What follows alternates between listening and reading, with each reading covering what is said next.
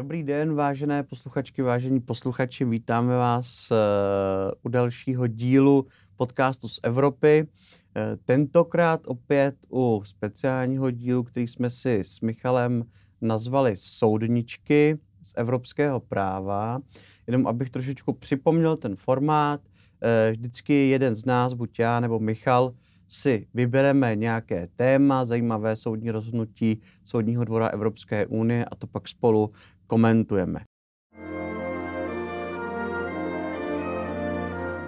Já jsem dneska v roli moderátora a Michal je dnes právě ten, kdo si vybral zajímavé téma. Eh, a tím tématem je, Michale, co? Eh, podíváme se na rozhodnutí Sovim, což je rozhodnutí z minulého týdne, teda když nahráváme, eh, kdy Soudní dvůr zrušil část vlastně čtvrté směrnice AML, směrnice o boji proti praní špinavých peněz, eh, kdy významným způsobem omezil vlastně přístup veřejnosti do registrů konečných nebo skutečných vlastníků eh, jednotlivých společností skutečných majitelů. Tam, oni tam mají, ten, tam mají ty majitele a někdo moc neví, proč je to evidence skutečných majitelů. No. ale jako tady asi krásně vidíte, že prostě já tady se teď zase dostávám do, to, do té oblasti, které spíš rozumí Jára. Uh, a obecně dneska se budeme bavit o ochraně osobních údajů, s tím, že já do toho budu fušovat spíš tu perspektivu lidských práv. Já jsem, já jsem rád, že jsi vybral tohle téma, protože uh, si myslím, že si o tom budeme moc hezky popovídat. ono docela uh, rozvířilo Eh, především advokátní vody, eh, a to s ohledem na skutečnost, že když my děláme nějaký due diligence, Uh, tak od té doby, kdy je veřejně přístupná evidence skutečných majitelů, tak první naše cesta vede tam, abychom zjistili, kdo je tedy tím skutečným majitelem nějaké právnické osoby. Uh, co teda bylo meritem věci toho daného rozhodnutí? V podstatě ta směrnice, eh, já se asi možná nejdřív musím podívat na tu směrnici, určitě, určitě. respektive na to ustanovení, které bylo napadeno, tak eh, ta čtvrtá AML 4 eh, přinášela vlastně změnu, kdy původně vlastně členské státy měly povinnost vlastně vytvořit registr. V tom registru byly uvedeny fyzické osoby, které v konečném důsledku vlastnily nebo kontrolují právnické osoby a to vlastně jako pojato poměrně hodně široce, to znamená, ať už je to prostřednictvím nějakého přímého nebo nepřímého vlastnictví, eventuálně kontroly hlasovacích práv. Uh, jsou tam vypočteny i některé jako další fyzické osoby, které třeba, uh, když není možné identifikovat osoby, které jsou jako v některých jiných ustanoveních. A tyhle ty osoby, ty UBOs, Eh, tak eh, jsou... Ultimate Beneficial Owners. Tak eh, členské státy měly zároveň povinnost zpřístupnit vlastně tenhle ten registr jednak orgánům finanč, finanční zprávy, spravodajským jednotkám a podobně, potom povinným osobám v rámci nějakých hloubkových kontrol, třeba toho klienta, a potom tedy máme to písmeno C. V tom článku 30 odstavci 5. směrnice vlastně stanoví, Dále písmeno C, kdy říká, že jakákoliv osoba nebo organizace má vlastně přístup do tohoto registru. Původně tam bylo napsáno, že to je jakákoliv osoba, která může prokázat oprávněný zájem a podle téhle směrnice, tedy o těch eh, UBOs, jsou evidovány informace, zejména jméno, měsíc a rok narození, státní příslušnost, zemi bydliště, a e, potom rozsah vlastně té, té uh, skutečně držené účastky v té společnosti. Tohle to vlastně bylo to, co stanovila směrnice, s tím, že členské státy mohly, potom tam byly odchylové klauzule, kdy členské státy mohly tohle ten uh, výčet rozšířit, což se stalo taky v případě Lucemburska. A právě dneska se budeme bavit o tom uh, případu předběžné otázky právě z Lucemburska, kdy Lucembursko stanovilo ve svém zákoně v té transpozici, že se eviduje příjmení, jméno, státní příslušnost, den narození, měsíc narození, rok narození, místo narození, země pobytu, přesná soukromá osoba. To znamená, hmm. já jsem v úvozovkách se mohl podívat do registru, když jsem eh, si třeba něco kupoval z nějakého e-shopu a mohl jsem se podívat, kdo vlastně vlastní nebo ovládá tu společnost. Uh, eventuálně, když třeba se mi ta věc nelíbí, rozbije se, nefunguje, odmítnou mi reklamace, jak mu tam pošlu jako ošklivý dopis, mm-hmm. dejme tomu. Mm. No a tohle se samozřejmě těm osobám, které tam byly registrované, nelíbilo. Nelíbilo s ohledem na to, že nechtěli, prostě nechtěli, aby se vědělo, že oni jsou těmi, kdo ovládají tu danou společnost. Je to tak? Mm, je to tak. V podstatě to, ty předběžné otázky jsou z dvou řízení, eh, kdy eh, v jednom případě se jedná o fyzickou osobu, eh, jejíž jméno je teda anonymizované, v druhém případě se jedná o právnickou osobu společnost Sovim, která vlastně namítala, že ten její majitel nějakým způsobem jezdí do zemí, kde je větší kriminalita, jezdí do zemí, kde třeba může být nějaká politická nestabilita a ve chvíli, kdy se kdokoliv může podívat, kde žije, když se narodil, uh, tak je mnohem větší riziko, že se stane obětí nějakého třeba vydírání, mm. nějakého násilí, že bude unesen, eventuálně usmrcen, že mu bude někdo vyhrožovat. Což samozřejmě teda se asi jako nikomu z nás by se nelíbilo a i tenhle ten vlastník vlastně teda říkal, jako mně se to, mně se to nelíbí, nevím, proč by v tom seznamu měl být takhle uveden, nevím, proč by si mě kdokoliv mohl jako dohledat. Mm-hmm.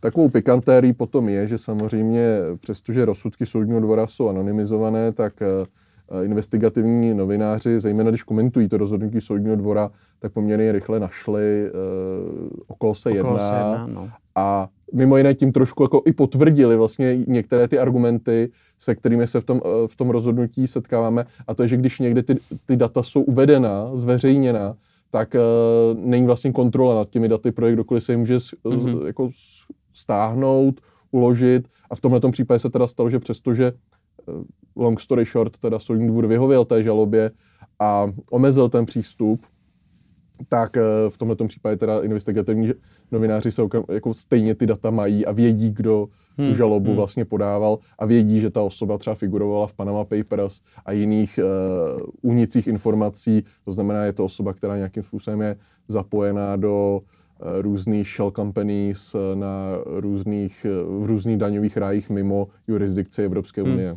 No tak je logické, že asi, asi spíše osoby, které mají jako snahu skrývat své podnikatelské záměry, budou mít o to větší snahu e, nebýt uvedeni v těchto, v těchto evidencích, že jo? To, to, to si myslím, že je v celku jasné. Asi ano, na druhou stranu tady asi jako širší diskuze o tom, jestli se uplatní takovéto pravidlo, pokud e, nic neskrýváš, tak proč by si tam nechtěl být, mm-hmm. jako taková ta implicitní jako pravidlo, pravi, nebo nějaká presumce viny. Uh, jo, my jsme se o tom vlastně bavili v minulém díle, akorát ve vztahu ke sledování ze strany státu, tedy se o tom bavíme vlastně perspektivu sledování ze strany, uh, řekněme, nějakých eh, novinářů, nějakých NGOs, kteří bojují a snaží se odhalovat nějaké podvody. A samozřejmě, samozřejmě tohleto rozhodnutí, tohleto omezení toho přístupu dost komplikovalo jejich práci. Bez komentáře? Ne, tak já, eh, to bychom se dostali jako do, do, do jiný diskuze, než kam asi chceme sklouznout, ale ta analogie podle mě použitelná úplně není, protože tam, když jsme se bavili o tom, o tom sledování ze strany státu nebo k tomu data retention, tak eh, tam se nejedná vlastně o identifikační údaje, ale hlavní jsou údaje, na základě kterých lze sestavit podrobný profil toho člověka o jeho životě.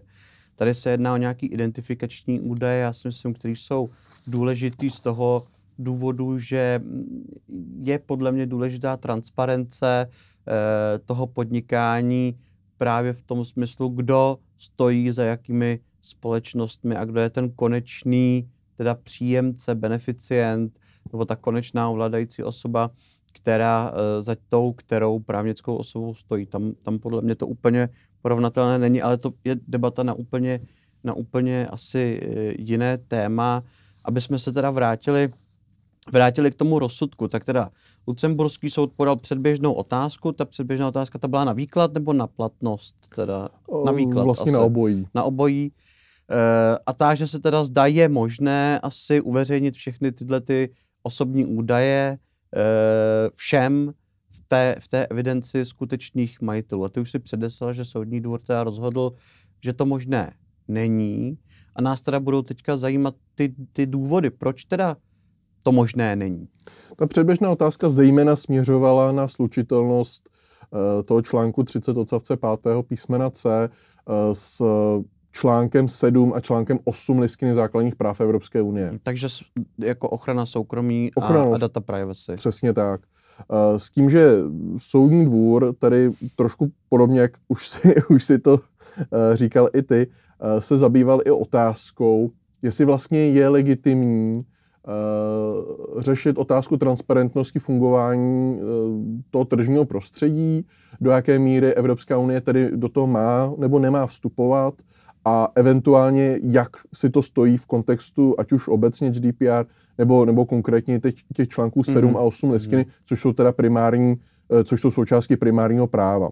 Takže promiň, tady posuzujeme jako nějaká dvě dvě práva, teda to pr- jedno, na jedné straně právo na soukromí a ochranu osobních údajů a na druhé straně právo veřejnosti na informace o tom podnikání, tu transparenci tohodle toho procesu. A já bych tady možná tě trošku opravil, protože je otázka, jestli je to právo, uh-huh. anebo je to spíš nějaký veřejný zájem. Uh-huh. Jo, čímž my, jsme, my se i dostáváme, že tady vlastně porovnáváme nějaký veřejný zájem a e, individuální lidské právo, to znamená právo konkrétní osoby. Mm-hmm. A tohleto, tohleto vlastně i ten argument, e, na kterém staví soudní dvůr, kdy e, tím, že se zveřejní osobní informace, tak dochází ke zpracování osobních údajů, čímž pádem už se dostáváme teda do toho režimu článku 7, článku 8, protože jakékoliv zpracování je nějaký zásah do osobních údajů a buď jsou tam teda nějaké, nějaká pravidla, kdy je k tomu dán vlastně nějaká legální licence, nebo je tam dán souhlas. V tomto případě teda souhlas dá není, je tedy nějaká legální licence, která vychází právě z té směrnice, respektive potom prováděcích zákonů. A e, soudní dvůr vlastně tady e, dochází e, k tomu, že ve chvíli, kdy se nějaké takové opatření a nějaký takový zásah do základních práv je, tak se musí, tak je tady nějaký, jako, jsou tady určité postupy, jakým způsobem se i přeskoumávají takové zásahy. Hmm, takže to je takový ten test proporcionality zásahu do toho soukromí, takže asi sledovaný cíl té dané úpravy, možnost naplnění sledovaného cíle, proporcionalita a tak dál? Uh, šel bych možná ještě o krok, o krok dříve, protože samozřejmě test proporcionality tady je, ale my v první řadě se budeme vůbec dívat na to, jestli Eh, protože každé omezení práv musí být na základě zákona, v tomhle tom teda případě teda směrnice, takže na základě nějakého právního předpisu, kdy tedy soudní dvůr tedy první krok tohoto testu říká ano, je tedy směrnice, směrnice říká, osobní údaje se tedy nějakým způsobem budou zpracovávat, osobní údaje se budou uveřejňovat a uh, explicitně uh, tady jsou sice nějaké údaje, nicméně ty údaje Eh, ta směrnice mluví o alespoň těchto údajích, to mhm, znamená, členské státy vlastně si ten záběr mohou nějakým způsobem rozšířit. Mm. Takže je tedy nějaký jako právní titul, proč mm. se takhle dá postupovat. Eh, co se týká druhého kroku, je potom nějaký respekt k základním právům, která jsou obsažena v těch článcích 7 a 8, kdy směrnice tedy nějakým způsobem vlastně stanoví nějaký seznam, byť teda není taxativní, ale pouze demonstrativní. A uh, aby ten respekt právům byl k čemu porovnat, abychom se dostali k tomu testu proporcionality, tak tady musíme mít nějaký veřejný zájem. A první krok tady je, proč ta směrnice vlastně existuje. Mm-hmm. A ten, ta odpověď na to je zabránit, uh, zabránit nějakému praní špinavých peněz mm-hmm. a financování terorismu. To jsou vlastně hlavní dva uh, smysly, proč ty AML směrnice existují. To znamená, evropský zákonodárce k těmhle těm dvou základním cílům přidává posílení celkové transparentnosti hospodářského a finančního prostředí v hmm, Unii. Hmm, hmm. S tím, že tohleto posílení má zejména sloužit preventivně a odstrašujíce. To znamená, nikdo nebude chtít prát ty špinavé peníze, nikdo nebude chtít financovat terorismus, protože všichni na všechno v úzovkách vidí. A jedním z těch kroků bylo i to, že se vlastně ten registr otevře úplně všem. Takže na to vidí právě úplně všichni, včetně novinářů, těch hlídacích psů demokracie. Tak. A tím, že oni na to vidí, tak ne, může jednak se zabránit vůbec vzniku takových situací, jednak může to na pomoc k tomu, že třeba upozorní orgány činné v trestním řízení na to, že tady dochází k nějakým neprovostem, na pomoci nějakému vyšetřování hmm, hmm. a navíc teda nějakému zvýšení vůbec reputace hmm. toho evropského trhu, tím, že prostě tady se praní špinavých peněz neděje, protože víceméně Máme to prostředí to ani neuma, prostě, No, Přesně tak. No. Což Ale je a- legitimní cíl, jakoby. Je? No z mý, takhle, z mýho pohledu ano, to je můj legitimní cíl. Já Jako, mě docela rozhorčilo jakoby to rozhodnutí. Jo. Já zastánce, velký zastánce ochrany osobních údajů, tak dle mého názoru to legitimní cíl je. No a teď se dostáváme k tomu, co vlastně mě na tom jako eh, se vlastně líbí do určité míry. Protože my vždycky vycházíme z nějakého jako předporozumění těm problematikám, nějakého jako našeho světonázoru. A ten soudní dvůr si klade tady otázku, a z čeho tenhle ten úkol Evropské unie vyplývá? Jo, a nezapomeňme, že prostě Evropská unie funguje na principu svěřených pravomocí, to znamená, unie dosahuje cílů, který, které členské státy stanovily v primárním právu a vykonává to v rámci pravomocí, které jim jí tomu byly svěřeny. Chápu. A uh, komise rada se v tomhletom kontextu podívali eh, do primárního práva, konkrétně článek 10 smlouvy o Evropské unii, eh, dále potom článek 15 smlouvy o fungování Evropské unii. A s tím, že tyhle ty ustanovení vlastně říkají, rozhodování má být, má být transparentní, má být otevřené eh, voličů, občanů Evropské unie. Mhm. A soudní dvůr říká, ano, tohle to jsou články, které říkají, vy máte rozhodovat eh, transparentně, vy máte být odpovědní evropským občanům, Hmm. ale to neznamená, že evropští občané mají být eh, transparentní vůči sobě navzájem. To mě docela překvapuje, to je ta argumentace upřímně. Ona, je to, je to jako zajímavé, mě to vlastně také nenapadlo, ale ona se v té judikatuře objevuje už, už, už Mhm. dlouhodobě. My se potom dostaneme ještě jako k jednomu rozhodnutí, o které by se to dalo opřít. Mě jako napadlo třeba, že úlohou Evropské unie je posilovat vnitřní trh a vnitřní trh může být posílen tím, že bude co nejvíce transparentní, tak aby byla velká důvěra mezi těmi podnikateli navzájem. Mhm. Dá se to tak říct. Nicméně určitě to tady nebude článek 10 SEU, ale No, to ne, článek no. 15 FEU, kdy eh, ty vlastně zakládají nějaké požadavky na institucionální a procesní transparentnost orgánů Evropské unie. To znamená, je to vlastně ustanovení, které svazuje ty orgány Evropské Hmm, unie, aby nějakým způsobem se chovaly, aby, aby se nechovali nějakým jako Směřuje dovnitř institucí Přesně tak. prostě. Ale Unie. Eh, to dotčené opatření v rámci té AML směrnice vlastně má za cíl zpřístupnit široké veřejnosti údaje, které se týkají totožnosti jiných soukromých osob. Takže mimo ty instituce prostě. Přesně jasně. tak. In, individuálních osob. No. A e, soudní dvůr teda tohle uzavírá, že tím pádem se vlastně ani ten článek 10 SEU, ani ten článek 15 FEU Nepoužije. nedá použít hmm.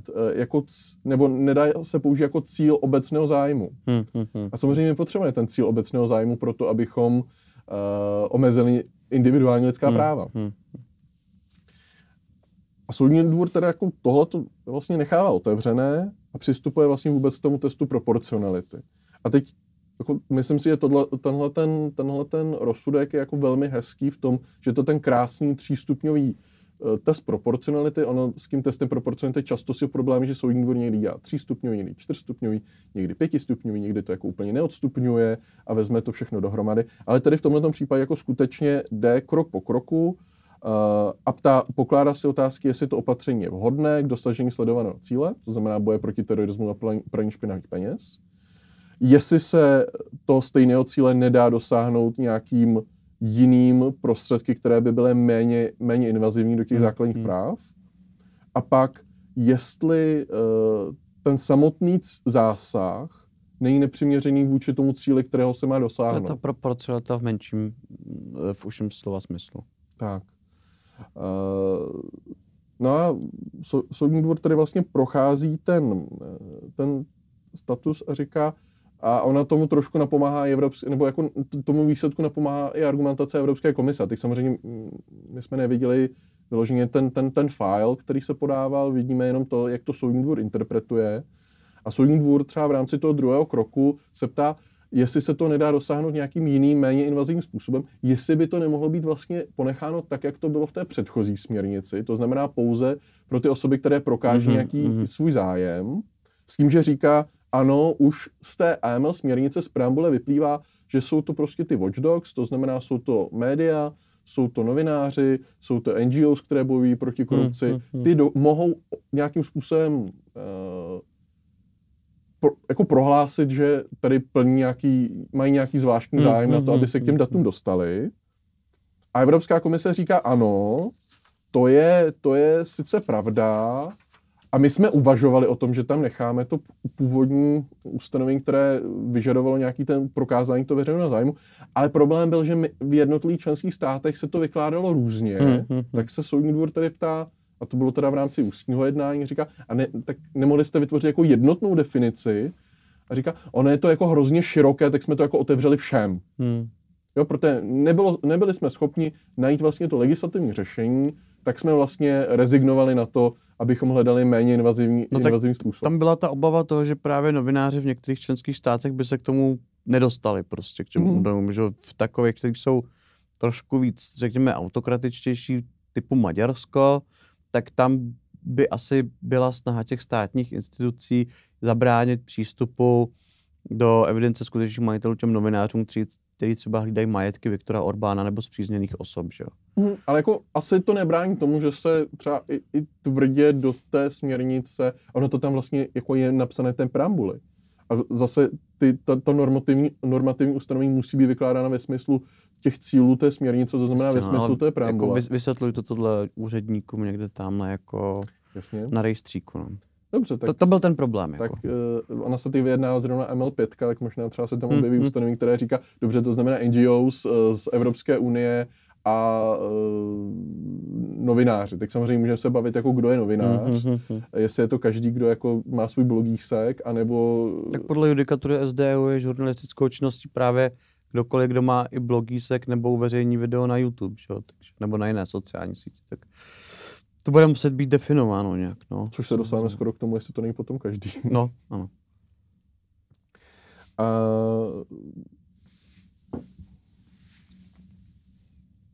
Tak, a vlastně soudní dvůr to tedy uzavírá tím způsobem, že ten článek 7 a 8 a listiny základních práv Evropské unie tedy e, v tomto případě není, není jako uspokojen, protože těm předkladatelům se nepodařilo odargumentovat, že ne, proč nezvolili ten, ten, ten invazivní. méně invazivní způsob hmm, hmm. zásahu.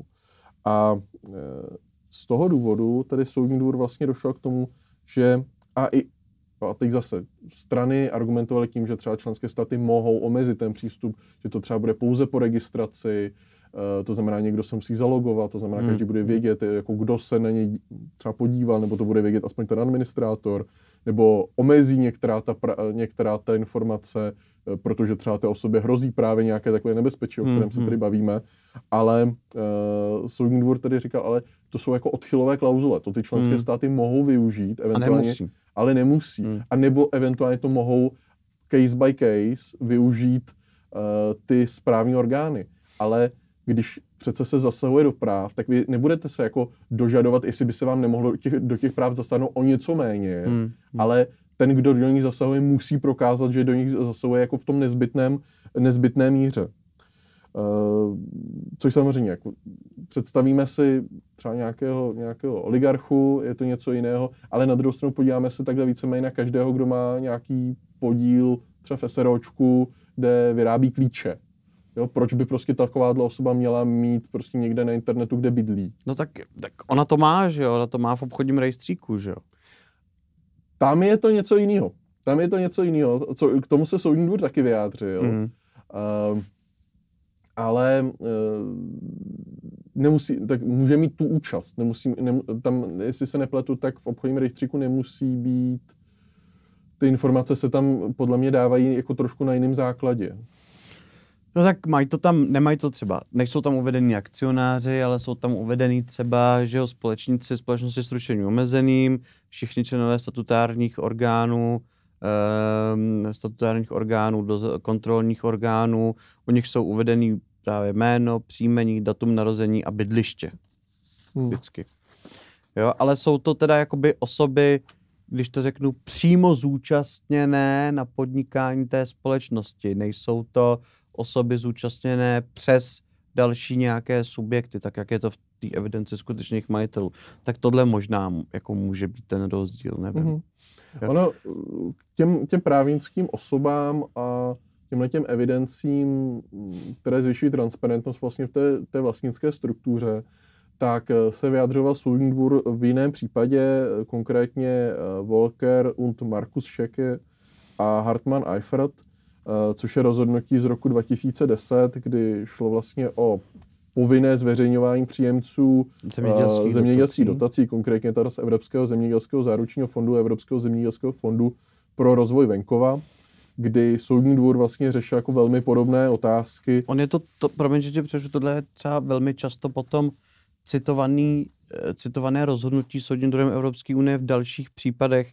kde se porovnává právě to právo na soukromí a právo na přístup k informacím nebo ten nějaký veřejný zájem dohledání, eh, dohledání se informací o některých osobách. No. Eh, a potom i na něm částečně zalo, zakládá Soudní dvůr Evropský unie své další rozhodnutí v rámci práva být zapomenut, třeba při právě právě e, zveřejňování informací v obchodním rejstříku taky a, a, a i v tom, v tom rozhodnutí Google versus Spain. Promiň, promiň, že tě přerušu. Eh, tady konkrétně šlo teda o to, že eh, na základě článku 44a Eh, nařízení 1290 z roku 2005, hmm. tak každý příjemce vlastně těch zemědělských dotací, fyzická právnická osoba jedno, musela být zveřejněna prostřednictvím internetových stránek, který konkrétně ta kauza je z Hesenska, to znamená z Německa, kde se to zveřejňovalo na Bundesanstalt, kdy ty zveřejňované informace bylo jména příjemců těch podpor, místo, kde jsou usazeni nebo kde bydlí hmm a potom poštovní směrovací číslo a částka, kterou obdrželi. Hmm. A opět jsme se dostali teda k otázce toho, jestli je to slučitelné s článkem 7, článkem 8 listiny, tedy konkrétně teda předběžná otázka směřovala na výklad Evropské úmluvy o lidských právech, nicméně soudní dvůr jako myslím si docela jako hezky si to stáhnout té listině, hmm. aby, aby jako nevykládal jiný lidskoprávní dokument, který vlastně není úplně součástí. Hmm. hmm. Tam ten vztah je dost komplikovaný. A e, řešila se tedy vlastně otázka, někdo dostane peníze a veřejnost by měla vědět, kdo kolik dostal, jestli dostává opakovaně a, a kde zhruba se pohybuje. E, zase dostáváme se tedy k otáz, a tedy mimo jiné teda soudní dvůr řešil ještě otázku, protože evidentně Hesenskému soudu to jako velmi vadilo, jako celý ten systém, takže jako vůbec napadal, že diskriminačně se to zveřejňuje jenom na internetu, jako co když v roce 2010 nemáš internet. tak soudní dvůr jako zrovna u téhle otázky řekl, že ve vztahu k řešenému případu je to čistě hypotetická otázka a tím pádem na ní nemusí odpovídat. Jasně. Ale v té otázce jako vůbec té legality toho článku 44a, tak uh, vlastně ta diskuze byla jako velmi podobná. To znamená, máme nějakou otázku nebo právo na soukromý život, ochranu osobních údajů, teď oni se zveřejňují, to znamená to zpracování, tady ještě teda nemáme GDPR, ale máme tu směrnici o, zpraco- o ochraně osobních údajů a Eh, zároveň teda nám tedy jako do toho vstupuje ta listina relativně nově. Je to rozhodnutí z roku hmm. 2010, to znamená, eh, ta listina tady je rok. Rok máme, no. No a no, takže vlastně to bude jako jeden z takových prvních, kde se jako aplikoval jako právně závazná fakticky. Hmm. A uh, opět, objevuje se nám tu otázka článku 10 smlouvy o Evropské unii, článku 15 smlouvy o fungování Evropské unie, to znamená ta transparentnost. Opět soudní dvůr tedy říká, tohle to je ta transparentnost, ale dovnitř. To je, hmm. to je na nás. To jsou naše limity, to není limit pro, pro navenek. navenek vůči těm evropským občanům. A, a řeší se vlastně otázka zase. Soudní dvůr tedy uznává právo na to, aby se daňoví poplatníci měli uh, právo se seznamovat vlastně, jak se nakládá s veřejnými prostředky. Mm-hmm. Což je podle mě jako poměrně důležité si tady říct ale neznamená to automaticky, že mají právo vlastně vidět uh, jed, příjmy jednotlivců, mm-hmm. které vlastně mohou tvořit i velkou část nebo podstatnou část jejich příjmu. Jejich příjmu. Hmm. V tomhle případě tedy soudní dvůr uh, se přesně opět dívá na ten, dělá se tedy test proporcionality, hledá se tedy ten veřejný zájem. Tady ten veřejný zájem je vlastně trošku jako víc vidět. Protože to není jenom ta obecná otázka transparentnosti, ale je to i to nakládání s těmi evropskými fondy. Uh, Soudní dvůr teda jako tady nepracuje s, s takovými tím finančními zájmy Evropské unie, mm. což asi jako v dnešní době, jak se judikatura posunula, tak si myslím, že tady by se jako objevilo, eh, jako kdyby se to rozhodovalo dneska. A co je právě zajímavé, je, že soudní dvůr, teď je zase takový dlouhý nájezd na, na, na tu odpověď. tak uh, soudní dvůr tady říká, uh, mohli jste využít jako méně invazivních způsobů, mohli jste třeba zveřejnit jenom ty velké příjemce, hmm, hmm. což zase teda uh, Hesensko jako říká, ale to pak vypadá, že to dostávají jenom ti velký, velcí příjemci, když jako z toho vyndáme ty malé. A soudní dvůr teda říká, dobře, ale měli byste to udělat jenom pro právnické osoby, protože o nich už musíme zveřejňovat celou řadu informací a zejména ten zásad do těch práv jednotlivců ve vztahu uh, k právnickým osobám je jiný než u fyzických osob. Hmm. U těch fyzických osob je to mnohem invazi, eh, invazivnější, um, intenzivnější. Protože... Nemáš tam ten štít té právnické osoby. Přesně prostě. tak. Jo, takže ten soudní dvůr vlastně tady uh, jako rozlišuje mezi fyzickými právnickými osobami. A když se podíváme jako skrze tuhle perspektivu uh, na to rozhodnutí uh, aktuální, tak v tu chvíli jako asi tady vidíme jako trošku Říkám si, že ve světle toho, toho rozhodnutí Volker, tak uh, asi to rozhodnutí současně nemohlo moc jinak dopadnout, protože hmm. tady máme konkrétní osoby, které dobře nedali souhlas se zpracováním osobních údajů, když žádali o tu dotaci, ale byli s kým nějak seznámeni, nebyl tam dobrovolný souhlas, ale jako věděli, že, že to je podmínkou získání té dotace. Eh, zatímco v tom dnešním případě víceméně jakákoliv účast eh, v právnické osobě automaticky znamená zveřejnění. No a nemůžu se rozhodnout, nebo respektive můžu se rozhodnout, jestli jako nebudu aktivně, eh, jako podnikatelsky aktivní, zatímco tady se můžu rozhodnout, že třeba si o ty dotace nepožádám a můžu nějakým způsobem asi fungovat v tom, v tom, v tom daném odvětví. Navíc jako druhý argument bych dal, že tady jde o nakládání s nějakými veřejnými prostředky, zatímco v tom rozhodnutí uh, Solvim, tak vlastně jde jenom o to, že mám nějakou ekonomickou účast v těch právnických osobách. No, no...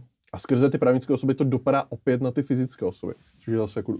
Nevím, já, já, já tam jako... Nevím, jestli v tomhle tam vidím úplně podobnost, vidím tam podobnost v tom, v, v té argumentaci článkem 10 SEU a 15 FEU, který mi, uh, že přijde mi v zásadě až zbytečný, že se nepoučila komise s radou na základě tady toho rozhodnutí, že, že ta transparentnost rozhodovacích postupů a, a těch institucí funguje prostě jenom dovnitř, nefung, nemůže fungovat navenek. To mě v zásadě i udivuje. Michale, když se, když se vrátíme k tomu rozhodnutí o UBO, eh, tak je to teda tak, že Soudní dvůr Evropské unie v rozsudku eh, zneplatnil nebo prohlásil za neplatné to napadené ustanovení, teda to písmeno C toho článku a e, zneplatnil ho teda extung. Ano. Čímž pádem můžeme říci, protože ta napadená směrnice, nebo to ustanovení, napadené ustanovení té směrnice bylo novelizační, takže můžeme dovodit, že tedy platí původní změní toho písmene C, tedy že přístup do SM mají i ti, kteří prokáží nějaký ten, ten zájem? Když se podíváme do toho eh, výroku soudního dvora, tak on skutečně ruší ten článek 1 bod 15 písmeno C směrnice té AML 4.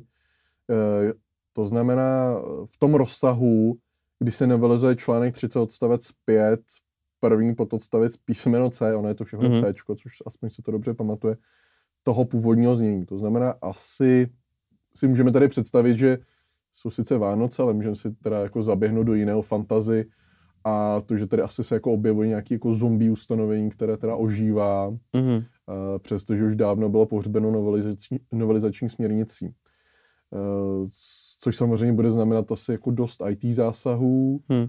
a, a pak samozřejmě to vyvolává tu otázku, uh, jestli směrnice Eh, jestli se vlastně dá takového důsledku jako dovolávat uh, přímo z té směrnice, nebo jak by si vlastně ty orgány veřejné moci měly vlastně hmm, hmm. poradit s tou její aplikací, protože oni tady mají právně závazný výrok soudního dvora, zároveň tady mají právní předpis, když se podíváme zase do našich právních předpisů, tak prostě ty správní orgány i ty soudní orgány jsou vázány zákonem. Hmm a ten zákon říká něco jiného než ta směrnice. To znamená, tady se to musí vyložit asi ve světle toho rozhodnutí u soudního dvora a vlastně skoro se dovolávat a se, teď jako zase vstoupím na tenký let, ale jako přímého účinku těch článků 7 a 8 eh, listiny.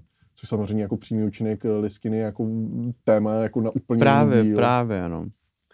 Ale samozřejmě asi, asi by se to dalo vyložit as, i ve světle nějakých lidskoprávních dokumentů těch konkrétních států ve vztahu k tomu, tomu transpozičnímu předpisu. Hmm. Hmm.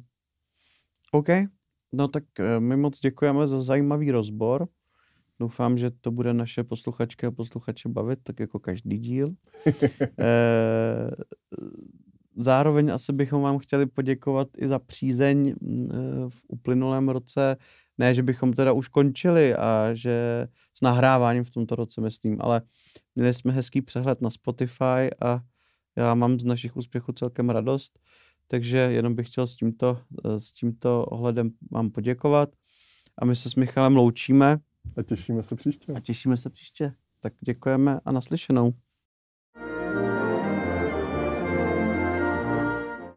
Cink, cink, cink, dostali jste se na konec epizody a moc děkujeme za to, že jste nás poslouchali až do konce. Určitě nám dejte like, určitě nás odebírejte a budeme se na vás těšit při příštím díle. A pokud se vám díl líbil, pošlete nám zpětnou vazbu, pošlete nám to na e-mail z Evropy zavináč.cz, pošlete to svým známým, hoďte si to do storíčka na Instagramu, cokoliv, budeme za to moc rádi, ať se to dostane co k největšímu množství lidí, které by to mohlo zajímat. Děkujeme, mějte se hezky.